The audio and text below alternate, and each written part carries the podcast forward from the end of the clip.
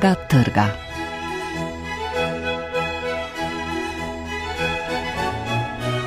Dobr dan, v današnji oddaji nas čakajo pesniška zbirka Iva Svetine Mele, roman Renata Bratkoviča Plavalec, filozofsko-esejistično delo Tomaža Grošovnika, besede na strehi, brez črk v roki in knjiga Žige Valetiča Nomadi med platnicami.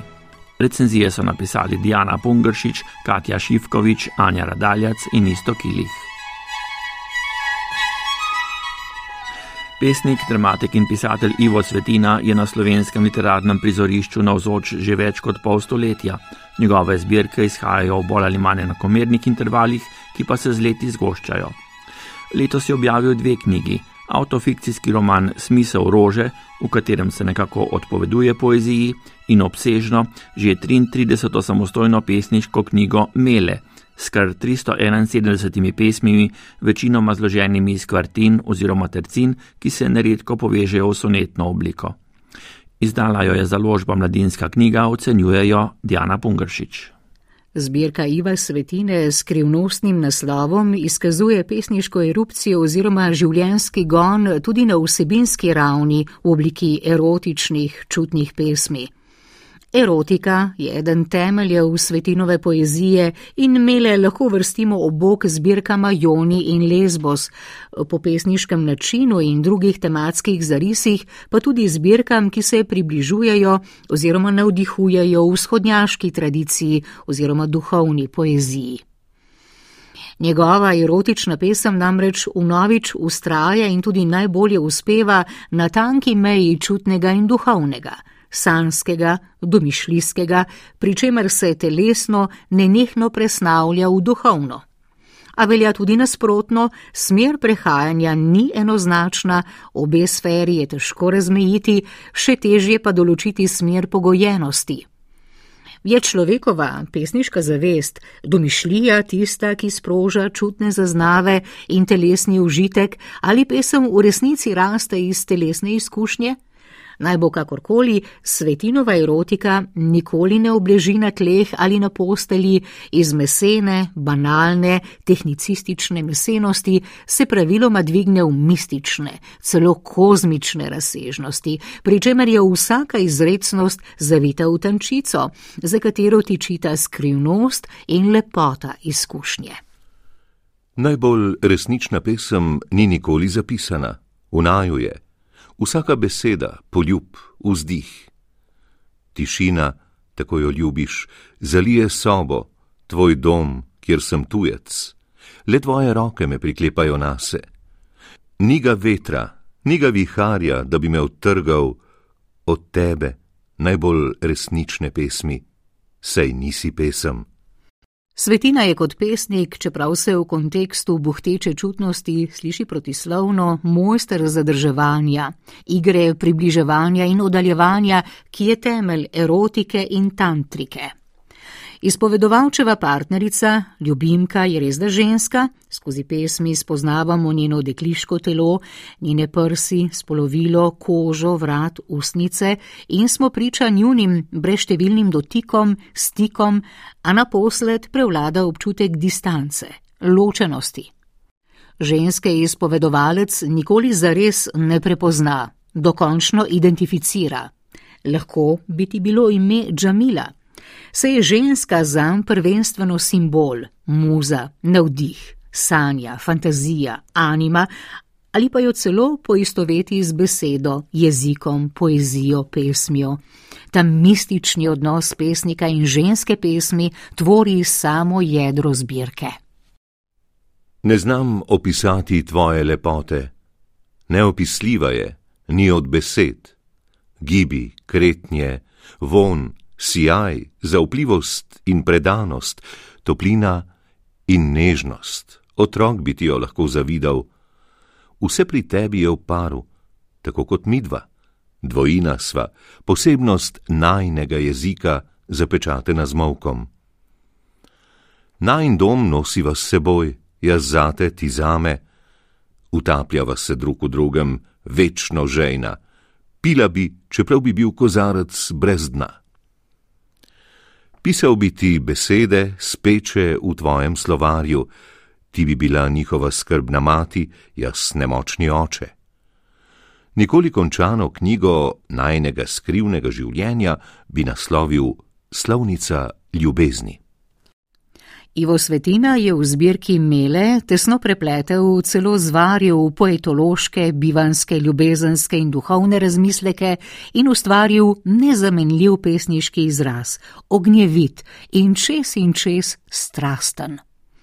Dogajanje v pesmih je kljub pogostim udorom smrtnosti dionizično, opevanje pa trubadursko. Na vse zadnje je zbirka posvečena Petrarkovi muzi Lauri Denoves in gre se strinjati, da tak pesniški način, ki stavi na bogat, bujen okras, opojnost, sočnost in sladostrast je podob v kontekstu slovenskega siceršnjega pesniškega realizma oziroma asketizma, deluje ekscesno, kot v obširni študiji k svetinovim izbranim pesmim v knjigi Plamen iz morja razmišlja Igor Divjak. A vendarle velja upozoriti, da nakopičenost podob v zbirki Mele ostaja v predvidljivem zarisu, na tej ravni pesmi ne presenetijo z nenavadnostjo, eksperimentom združevanja nepričakovanega, kot je naprimer značilno za prav tako čutno poezijo Andreja Medveda, temveč se zatekajo k bolj ali manj klasičnemu repertoarju. Naslonjena na izročilo ljubezenske lirike oziroma mitološko tradicijo Grčije in Orienta, je ljubezen v podobi mladenke, pesniške muze, ki vzide iz školke, pričakovano postavljena na piedestal, k temu idealu pa so na to usmerjeni vsi miselni, telesni in ustvarjalni napori. Takšen uspon seveda ni preprost ali gladek, ljubezensko oziroma mistično združitev ustavlja tisoč in ena ovira, notranja in zunanja, predvsem pa misel na konec. Tako se v ozadju vse bolj jasno izrisuje znano protislovje, bolj ko se ljubezen stik oddaljuje in bližje, ko so smrt, impotence in propad, silovitejša je erotična želja, hrepenenje pesniška erupcija. V tem smislu je omenjena ponavljajoča se distanca med pesnikom oziroma lirskim subjektom in žensko muzo ne le produktivna, temveč edino možna. Zbirka Mele je v vseh pogledih klasičen abonma, motivno, izrazno in slogovno in v kontekstu svetinovega pesniškega opusa ne preseneča, osupne pa kvantiteta, pod katero lahko moč posamezne pesmi tudi oslabi, a bolj kot očitek avtorju je to napotek bravcem in bravkam naj mele berejo s predahi. Skrivnost lepote je pač tudi v pravih razmerjih.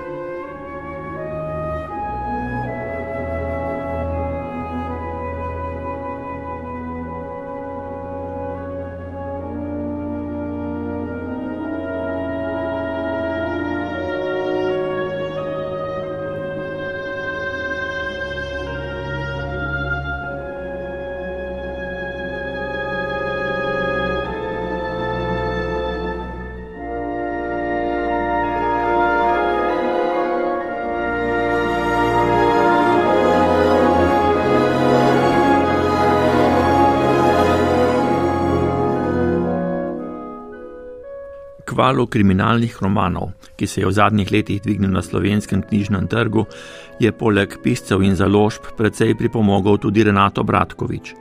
V slovenski bistrici je več let vodil festival žanrske literature Alibi, zdaj pa se predstavlja še kot avtor. Njegov prvenec ima naslov Plavalec in je seveda kriminalni roman. Izdala ga je založba Litera, ocenjuje pa ga Katja Šivkovič. Renato Bratkovič je s prvencem plavalec zasnoval zgodbo, ki ji lahko rečemo kar thriller podoben babuški. Z vsako stranjo se bravci spuščajo globje in odkrivajo nove plasti človekove krutosti in preračunljivosti. Zanimivo in prav nič banano zapisana zgodba je polna obratov, presenečen in pasti. Protagonistka romana, inšpektorica Luna, med plavanjem na prisilnem dopustu trči v truplo. Na prisilnem dopustu se je znašla zato, ker je pri preiskavi mednarodne mreže z drogami naredila napako in pomembne podatke dobila pri nezanesljivem viru. Kriminalka, ki je v bistvu tudi detektivski roman, raziskuje smrt utopljenega neznanca, ki pa ima prvi zaplet brata dvojčka. Luna je kriminalistična inšpektorica, paraplegičarka, ki svoje življenje dokaj spretno manevrira okoli svoje invalidnosti in svojega očeta, ki prepogosto sega po alkoholu. Prav zaradi njega se je v zgodni mladosti znašla na invalidskem vozičku, saj je zaradi vinjenosti povzročil prometno nesrečo, v kateri se je tragično poškodovala nekonvencionalna zaradi tega, ker je ženska kriminalistka in obenem še invalidna, se Luna pri preiskovanju umora pogosteje zanaša na intuicijo kot pa na holmovsko dedukcijo. To je najbrž tudi eden izmed razlogov, zakaj je pri branju te kriminalke težko predvideti konec in seveda razrešitev umora. Z branjem kriminalnega romana plavalec se bravci podajajo na edinstveno iskanje morilca. Konstantna napetost morda postavlja Bratkoviča ob bok drugim odličnim piscem slovenskih kriminalk, zato roman priporočam bravcem, ki uživajo v odkrivanju in iskanju namigov. Prav tako je pomembno omeniti, da je roman Plavalec več kot le kriminalka, saj poglobljeno obravnava tudi družbene razlike, ljubezen, spolnost in psihologijo patološkega oportunizma. Odnosi med protagonisti so morda zasnovani malce satirično, sicer pa je roman napisan v stvarnem in neprisiljenem slogu, kar daje zgodbi dodatno dimenzijo verjetnosti. Bratkovičev jezik se bere kot skandinavski noir, ki pa se dogaja v Sloveniji. Med branjem ura tik-taka, napetost se stopnjuje, prizorišče se spreminja, načrti se rušijo, avtor pa zagotovo premaga bravčevo sposobnost ugibanja. Roman boste želeli prebrati v enem dihu, napetost pa bo držala do zadnje strani.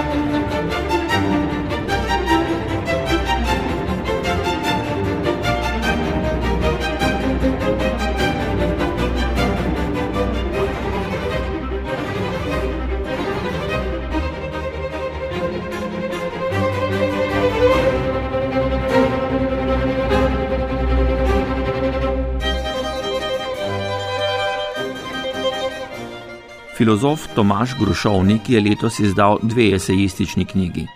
Z delom Midva ne bova rešila sveta je bil nedavno nominiran za Rožančevo nagrado. Druga, žanarsko hibridna knjiga pa ima naslov Besede na strehi brez črk v roki. Izdalo jo je literarno-umetniško društvo Šerpa. Anja Radaljac jo označuje kot autobiografsko, filozofsko-esejistično knjigo. Ta žanarska opredelitev pa ponuja tudi dobro vstopno točko v analizo dela. Tomaš Grošovnik, univerzitetni profesor filozofije, ki se v svojem delu med drugim ukvarja s hoteno nevednostjo, okoljsko etiko in etiko živali, je besede na strehi brez črk v roki zasnoval kot zbirko besedil, ki osvetljujejo potencijale v vsakodnevne rabe filozofije. Filozofski razmisleki se v zbirki upisujejo v autobiografsko prozo, ki refleksijo konkretizirajo, ji ponudijo stvarnejšo oporo in umestijo v konkretni časoprostor. S tem se teoretski diskurs trdno usidra v stvarnosti, kar se zdi pomembno, saj je filozofija pogosto razumljena kot področje, ki je umeščeno v strogo intelektualno sfero.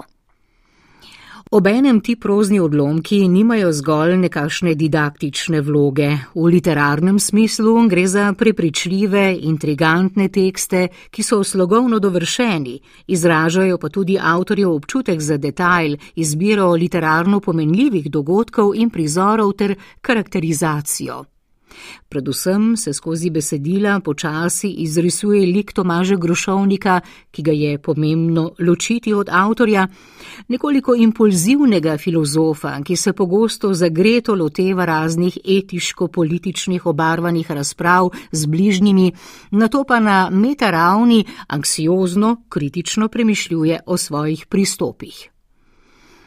Pogosto šele ta metaanaliza lastne reakcije pripelje do osrednjega filozofskega premisleka posamičnega besedila.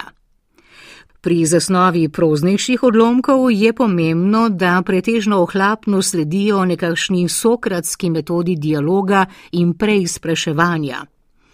Filozofska, esejistična razmišljanja imajo za izhodišče navadno dialog, v katerem pa se pomenljivo srečujeta grušovnik filozof in grušovnik literarni lik. Prvi začenja pogovore s številnimi vprašanji, osebo na drugi strani skuša spodbuditi k premisleku in razvijanju lastne misli.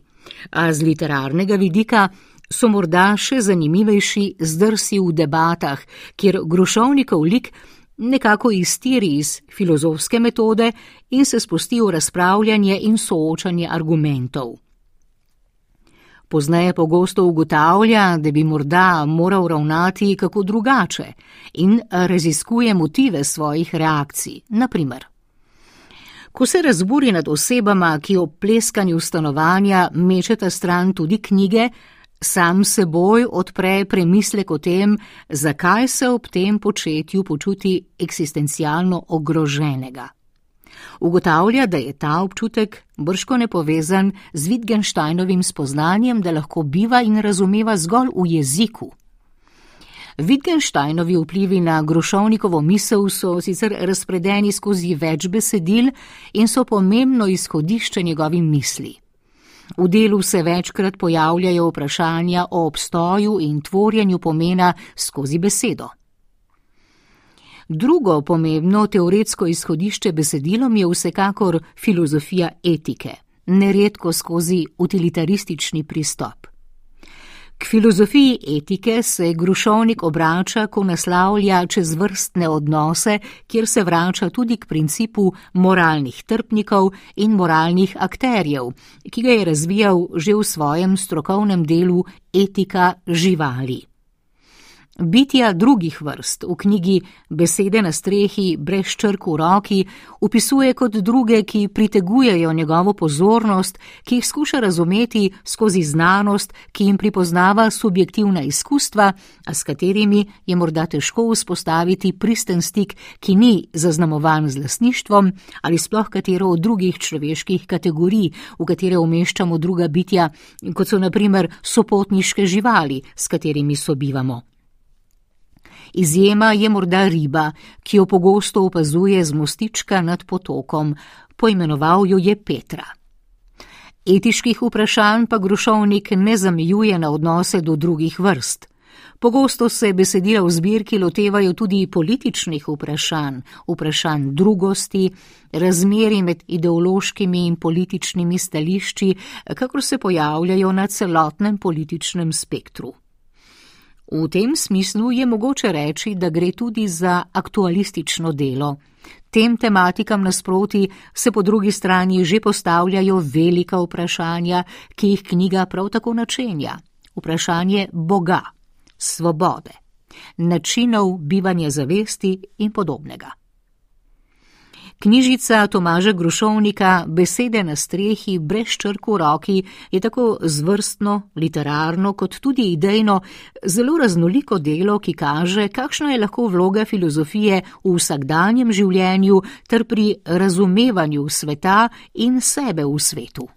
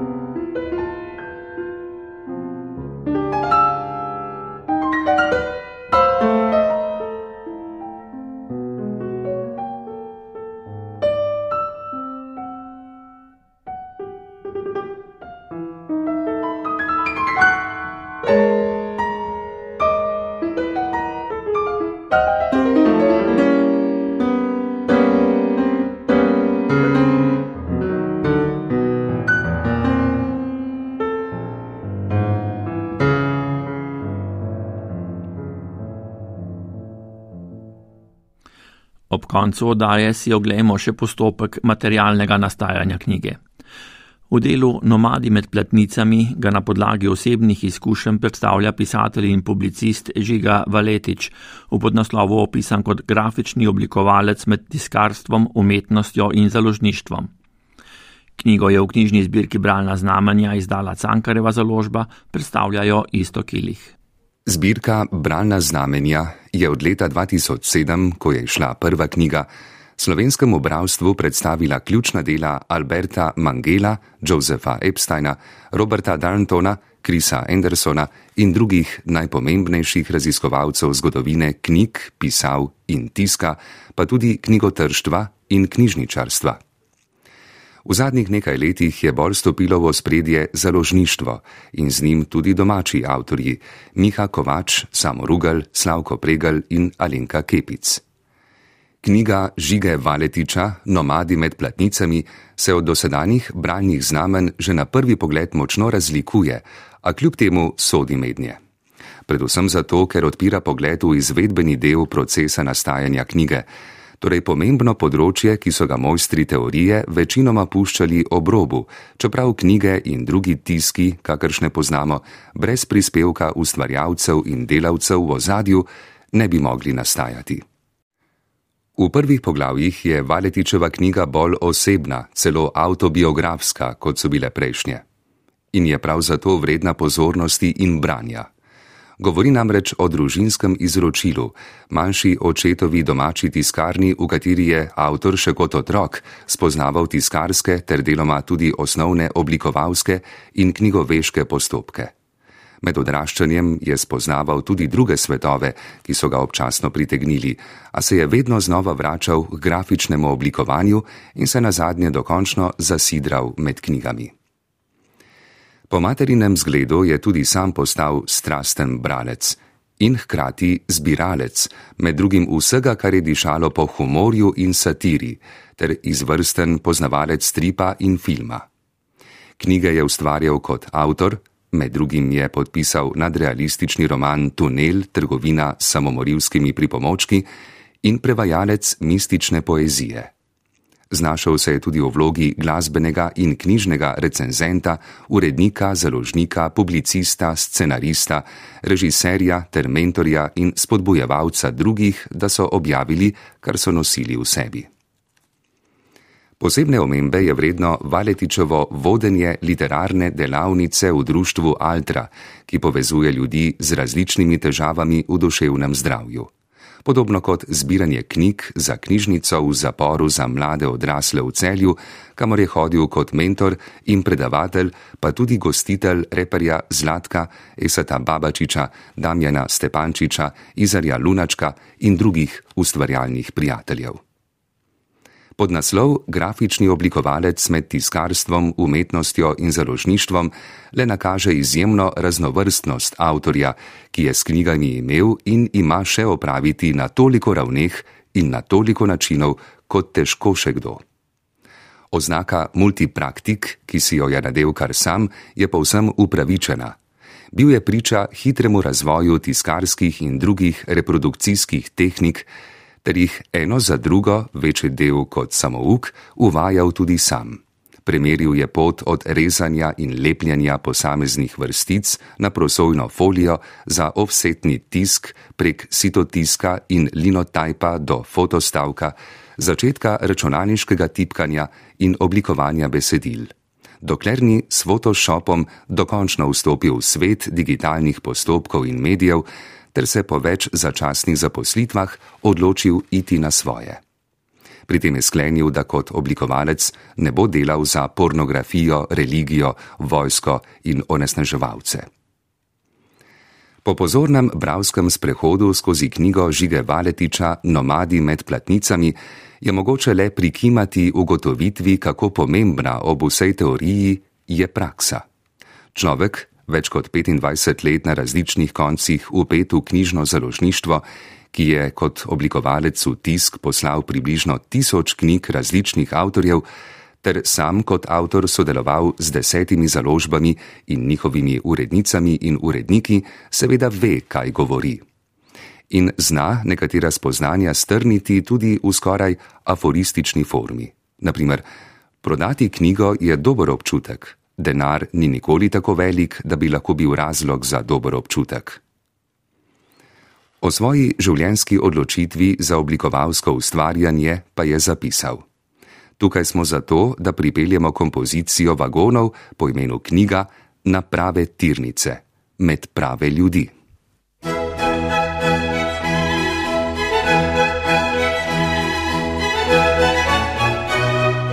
Poslušali ste oddajo z knjižnega trga recenzije Diane Pungršič, Katja Šivkovič, Anja Radaljac in Istoka Iliha so prebrali Lidija Hartmann, Jure Franko in Bernard Stramič.